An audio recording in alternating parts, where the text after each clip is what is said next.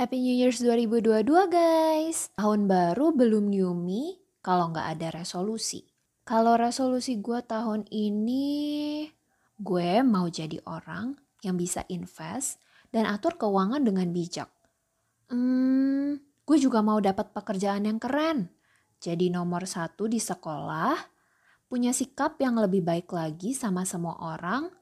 Terus, terus, terus, bisa jaga pola makan supaya bisa kurus demi masa depan yang lebih baik.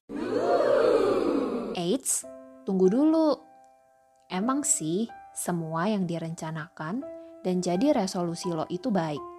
Tapi, semuanya itu perlu ada pertimbangan.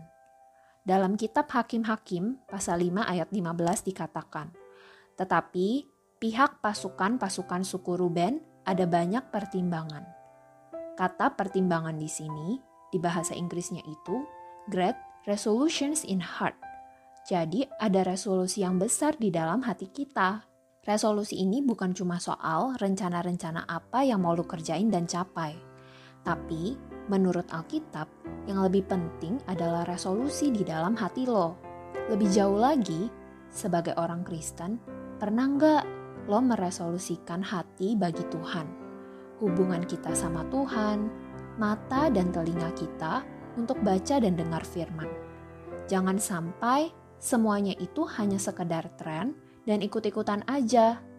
Memang manusia melihat apa yang di depan mata, tetapi Tuhan melihat hati kita.